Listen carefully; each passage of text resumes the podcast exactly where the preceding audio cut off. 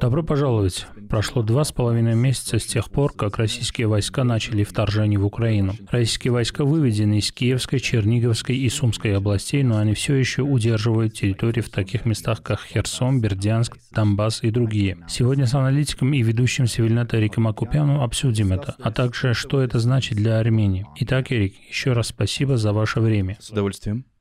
Где мы находимся по отношению к этой войне и что мы знаем? Что ж, с начала войны ситуация несколько прояснилась. Сейчас мы знаем пару вещей, которых не знали в начале войны. Первое заключается в том, что эта война на самом деле не между Россией и Украиной, а между Россией и НАТО. В той мере, в какой НАТО вооружает Украину и руководит ею, или помогает ей всеми возможными способами от разведки до руководства, это фактически опосредованная война между Россией и Соединенными Штатами, поскольку НАТО, по большей части, это Соединенные Штаты Америки. Во-вторых, Украина уже давно фактически де-факто является членом НАТО, вероятно, обладает одной из самых боеспособных армий в составе НАТО. По сути, они были частью НАТО, за исключением пятой статьи, ключевой в членстве в НАТО, которая заключается в том, что страна может попросить другие страны прийти ей на помощь, когда подвергается вторжению и находится в опасности. Так что, с практической точки зрения, если вы посмотрите на подготовку и участие Запада, Украина уже много лет является членом НАТО. В-третьих, Россия политически проиграет или уже проиграла эту войну. В том смысле, что она не достигнет а, поставленных целей или максималистских целей без национальной мобилизации. Потому что если она мобилизует все ресурсы страны, она действительно сможет достичь этих целей, как бы дорого ей это ни стоило. Так что она, по сути, проиграла эту битву. В-четвертых, я думаю, что Украина проиграла и проиграет войну. Если вы посмотрите на проекцию того, что происходит на поле боя, карта, по сути, движется в одном направлении медленно, но верно, русские делают успехи здесь и там, а украинцы действительно продвинулись вперед в таких местах, как вокруг больших городов, именно там, где русские тактически отступили, потому что их первоначальные цели, свержение и захват Киева, если когда-либо это было их целью, потерпели неудачу. Это то, что мы знаем наверняка относительно того, что из этого вышло. Теперь ясно, кто есть кто и кто на чьей стороне. И что, по вашему мнению, это означает для Армении в политическом, экономическом, а может быть и в социальном планах? Начнем с последнего. В социальном плане, очевидно, это влияние людей, переехавших сюда, и на расшифровку этого потребуются годы. С экономической точки зрения, если честно, мы преодолели то, что было бы наихудшим исходом, и теперь наша валюта фактически укрепляется по отношению к доллару, и Худшее, что люди ожидали в краткосрочной перспективе, не произошло. Это может произойти в долгосрочной перспективе, но не в краткосрочной, и на самом деле я не думаю, что это негативно повлияло на наш рост. Я думаю, что некоторые из этих прогнозов о снижении темпов роста здесь, возможно, были преждевременными. С политической точки зрения это довольно проблематично на бесчисленных различных уровнях. В основном потому, что существует прямая связь между силой или слабостью России и провокациями Алиева в Арцахе. Мы видели, что между ними существует прямая связь. Российная Россия, слабая Россия делает провокации со стороны режима Алиева в Арцахе гораздо более вероятными. Но, как и в случае с любым подобным конфликтом, на самом деле это также ограничивает место для маневра, особенно для небольших государств. Когда сражаются два гиганта, очень трудно не быть раздавленным одной из сторон или не быть вынужденным принять чью-то сторону, когда вы действительно этого не хотите. Но вы и многие другие утверждали, что Армения должна занять нейтральную позицию. Вы все еще придерживаетесь этого мнения? И вы вроде бы упомянули об этом. Но как вы думаете, учитывая, что обе стороны так решительно настроены по отношению к этой войне, может ли Армения ожидать большого давления из-за рубежа с целью вовлечения? Я подозреваю, что если война продолжится и ситуация ухудшится, это более вероятно до сегодняшнего дня, несмотря на многие слабости внешней политики этого правительства, им действительно удавалось сохранять нейтралитет на гораздо более высоком уровне, чем я ожидал. Посмотрите, как Армения довольно смело проголосовала в ООН. учитывая наши потребности в безопасности, которые так связаны с Россией и интересами России. Например, на прошлой неделе министр иностранных дел Армении был в Вашингтоне, подписывая соглашение с Соединенными Штатами. А это, как вы понимаете, не обходится без высокой цены, учитывая, насколько все поляризовано. Так что я думаю, что до сих пор правительство на самом деле проделало разумную работу, лавируя в ту или иную сторону, когда ему это было нужно. В то же время полностью не принимая чью-либо сторону, что может быть весьма разрушительным. В прошлом вы говорили о пиаре и нарративах. Мне интересно, что вы думаете о президенте Украины Владимире Зеленском. Он почти превратился в мировую культурную фигуру, и пиар вокруг него был действительно исключительным и интересным. В то же время он отвечал со стороны Украины за принятие решений, которые привели к этой катастрофической войне. Что вы думаете о том, как он сыграл и подходил к этому делу? Ну, я имею в виду, что вы должны отделить сферу связей с общественностью от политики. В связях с общественностью он был мастером, и люди забывают, что он актер, и они думают, что это минус. На самом деле это не минус. Он понимает современные СМИ, он понимает, как говорить, и он ведет себя абсолютно мастерски, особенно против врага, который, откровенно говоря, даже не разбирается в связях с общественностью и даже не занимается ими. Так что он проделал великолепную работу.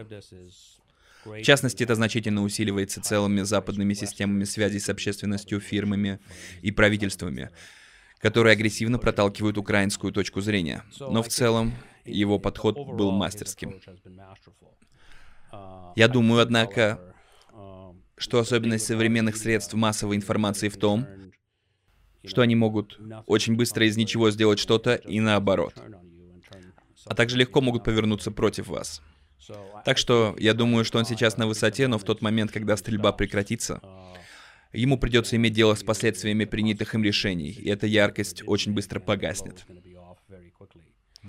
И не будет он пользоваться не той популярностью, не одобрением, которое он имеет во всем мире, а главное на Украине. Как вы думаете, какие были или есть самые большие ошибки или недоразумения и просчеты, которые были допущены обеими сторонами?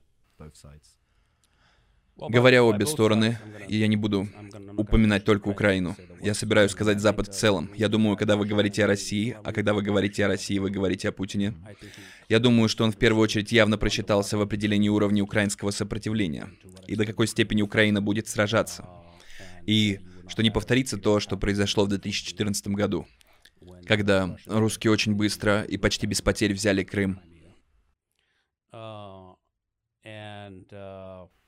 Россия также недооценила степень того, насколько быстро и агрессивно Запад объединится и ведет столь сильные агрессивные экономические санкции. Я не думаю, что Путин ждал такого ответа. Думаю, что отчасти его расчеты были основаны на том, что он увидел слабость Соединенных Штатов при выводе войск из Афганистана, какой это была катастрофой, и подумал, что будет продолжение аналогичного сценария, когда Соединенные Штаты отступят. Что же касается Запада, то он совершенно неправильно понял, что, в отличие от Ирана, Россию нельзя изолировать экономически, не нанеся самому Западу колоссального ущерба. Потому что Россия является производителем значительной части товаров широкого потребления по всему миру, которые играют ключевую роль в управлении миром. Поэтому, если вы преследуете цель уничтожения России, да, вы можете нанести ущерб российской экономике, но вы можете создать и то, что мы, вероятно, имеем во многих западных странах, стагфляцию, которая является комбинацией инфляции и рецессии, которая и подорвет многие правительства. Вы можете перейти от Шульца к Байдену и посмотреть, какая у них популярность. И знаете, она ужасна. Люди недовольны внутренней ситуацией в большинстве этих стран. Поэтому я думаю, что они недооценили экономический ущерб, который Запад нанесет себе из-за масштабов российского влияния или охвата на этих очень важных товарных рынках, как раз в то время, когда мир только начал оправляться от катастрофы COVID. Это только усугубило ситуацию, создало инфляционную огненную бурю, которая приведет к падению многих правительств на Западе. И, конечно же, мирные переговоры между обеими сторонами как бы зашли в тупик. Интересно, однако, что война имеет много символизма для обеих сторон. Вы упомянули ранее, что это цивилизационная война. Обе стороны непреклонны и полны решимости. Фраза «война на выживание» использовалась обеими сторонами.